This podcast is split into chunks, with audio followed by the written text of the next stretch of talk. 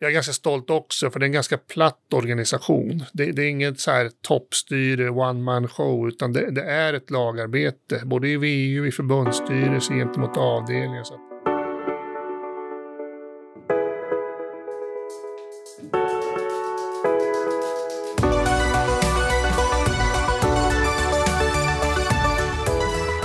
Välkommen till podd 12. I dagens avsnitt har vi Tommy Wret, förbundsordförande i Transport i studio. Välkommen! Tack! Och då ställer jag först frågan, vem, vem är du? Vem är Tommy?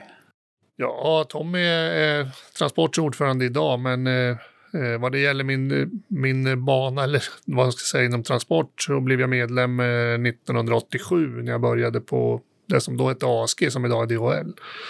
Eh, sen jobbade jag där i tio år och kom in i det fackliga väldigt fort eh, genom att eh, alla var medlemmar på den tiden för det var gruppackord på arbetsplatsen. Man förhandlade lön i princip en gång i månaden. Så att det var väldigt fort in i det fackliga. Och, och sen kom vi till 1997 och då skulle Transport ha en så kallad aspirantutbildning för ombudsmän. Och eh, dåvarande ombudsmannen på avdelningen sa åt mig att jag tycker du ska söka det där för jag tycker du har en del anlag som vore intressant för förbundet. Så att jag sökte den och, och kom med på den utbildningen och då fick man gå utbildning i 13 månader. Eh, I mitt fall var det nere i Uddevalla på avdelning 55. Mm. Där jag började och sen eh, på den banan är det lokalombudsman i sex år, Västerås, Örebro och sen förbundskontoret sen 03 och suttit i det som kallas VU då sen 2009, första åtta åren som förbundskassör och sen 2017 som förbundsordförande. Det är rätt länge nu. Det är många år du har varit aktiv i transport. Ja, och jag ska väl säga det också att man har haft förmånen och liksom fått bytt lite sådär. Man har, man har liksom jobbat sex år som lokalis, sex år som centralis, åtta år som förbundskassör då och sen nu är det inne på sjätte år som ordförande. Så att det har varit en väldig förmån och fått nya utmaningar. Och det har ju gjort att man hela tiden fått liksom tagga upp och lärt sig nytt och varit på hugget. Så att eh, det är oerhört förmån att fått gjort lite olika faktiskt. Ja, det kan jag tänka mig. Just att du har fått verkligen se så många olika delar av eh, förbundet och olika delar av verksamheten som sker. Är det någon, nu när du är som förbundsordförande, är det någon, är det någon del som du saknar att oh, det, det skulle varit kul att få göra igen? Så inte som jag kommer på på en gång, för, för man har hela tiden träffat nytt folk och fått ny inspiration. Så att, eh, däremot har man med sig omvänt då att man har gjort ganska mycket. Jag har inte varit avdelningsordförande, jag har inte varit regionalt skyddsombud, så jag ska aldrig påstå att jag har gjort allt. Men jag har sett hur de har jobbat och jag har haft förmånen att vara på tre olika lokalavdelningar och, och, olika arbetsuppgifter centralt. Så att man kan väl förbundet ganska bra. Jag kan inte hela förbundet, det kommer aldrig någon att lära sig. Men, men ofta har man så här insyn i vad folk jobbar med och hur det gick till ungefär. Så att en enorm förmån att vara runt. Mm. Som förbundsordförande, vad är, vad är dens huvudsakliga roll i, eh, i, i förbundet?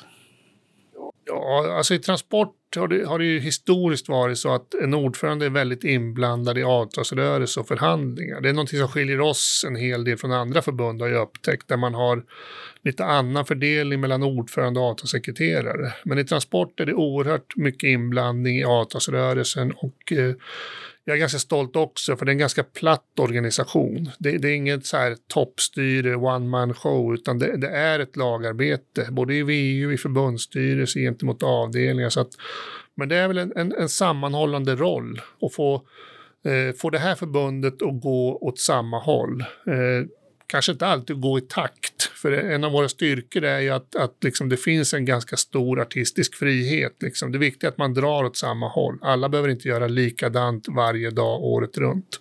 Men hålla det på rätt riktning och hålla ihop det, det är väl den stora uppgiften.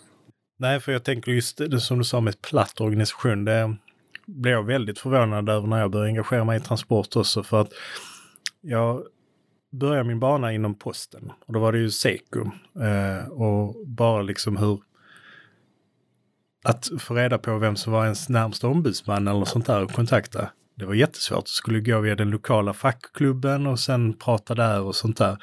Här så blev man så förvånad när man kunde i princip ringa växeln och bara, eh, skulle jag kunna bli kopplad till eh, förbundsordförande? Ja, då blir man det och sen svarar förbundsordförande om det finns tid. Och det tyckte jag var så härligt att se att man inte sätter de här barriärerna mellan medlemmar och, eh, och själva förbundsordförande. Så det är någonting som jag själv har uppskattat. Och jag tror att våra medlemmar ute verkligen uppskattar och säger att man inte kommit långt ifrån verkligheten.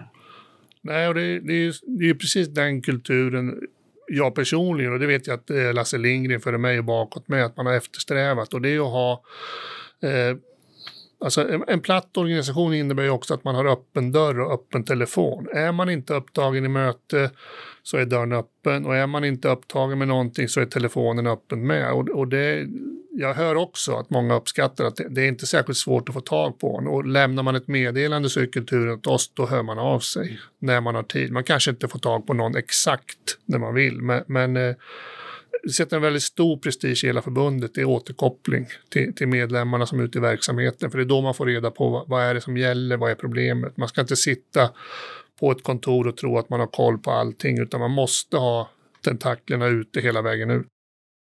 Så tänker jag fråga en lite sån här, under din tid i transport, har du något sånt här speciellt minne som du alltid kommer att bära med dig, att uh, det här var en unik, uh, häftig händelse? Jo, oh, men det finns några stycken. Jag, jag, kan väl ta två, för annars blir det kanske alldeles för långrandigt. men eh, jag vet när jag var på mina första kurser i transport och, och på den tiden fanns det en, eh, en studieombudsman som hette Göran Johansson som gjorde ett enormt intryck på de första kurserna. Då hette det lite annorlunda. Det var AL1 eller AL2, det är det som är vitar och flitar idag. Men när man kom hem från det på avdelningen och framförallt när man kom till arbetsplatsen, då skulle man ju förhandla världen. Då kallade vi till förhandling om höjd premiekomp och man kom ju ner på verkligheten väldigt fort, men otroligt vad taggad man var när man varit på en transportkurs och liksom lyckades sätta igång arbetsplatsen med. Så att vi fick igenom en del grejer. Alltså när man var liksom kurs och där när man kommer hem, och det hade man ju med sig resten av livet när man såg att fan, det, det finns ju en kraft i facket och det finns en sån jäkla kraft när man, när man går ihop. Mm. Eh, sen det andra, eh, och det är det varmaste minnet jag har, det tror jag var när jag, när jag började den här aspirantutbildningen 1997 nere i Uddevalla och kom ner eh, till en avdelning. Och, eh, jag fick brev att jag kom in i Uddevalla så jag var tvungen att plocka fram kartboken för jag var inte riktigt hundra på var Uddevalla låg ens. Eh, och sen eh, skulle man ner då eh, vi hade lånat en sån här LT31, en lätt lastbil och fick med någon soffa och, och lite grejer och säng. Och så hade avdelningen Dels hade de eh, investerat och köpt en, en liten etta i Uddevalla för 20 000 kronor. Den var ju deras, den fick ju inte jag, men jag fick använda den. Och när vi kom så var avdelningens VU där och hjälpte till att bära möbler på en lördag och sen bjöds man hem till dåvarande ombudsmannen och han som blev min mentor då, Sten-Ove Niklasson, på middag på kvällen. Och, och det är sånt omhändertagande, eh, alltså det, det ligger kvar hela livet och så, så så skulle man ju vilja att alla som blev anställda av ombudsman, att man kände det där.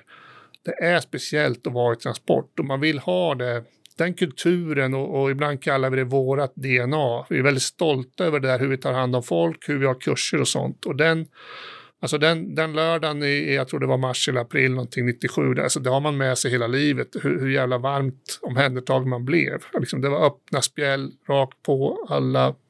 Nej, värmer gott. Värmer när jag pratar om det nu med faktiskt. Mm. Jag känner, känner liksom ändå igen hur det var när man själv liksom blev förtroendevald och just det här med när man börjar liksom arbeta här uppe som studieorganisatör och sånt där. Hur, hur kamratligt, hur vänskapligt det är. Um, och det är väldigt speciellt och det är kul att det fortfarande lever kvar. Um, och då hoppas jag att vi kan förmedla och ta vidare till kommande generationer också så att det får vara kvar. Och lite avslutande här, när du inte är på förbundskontoret eh, eller ute och far bland olika avdelningar och allt vad du håller på med. Har du någon intressant hobbys eh, som du sysslar med på fritiden?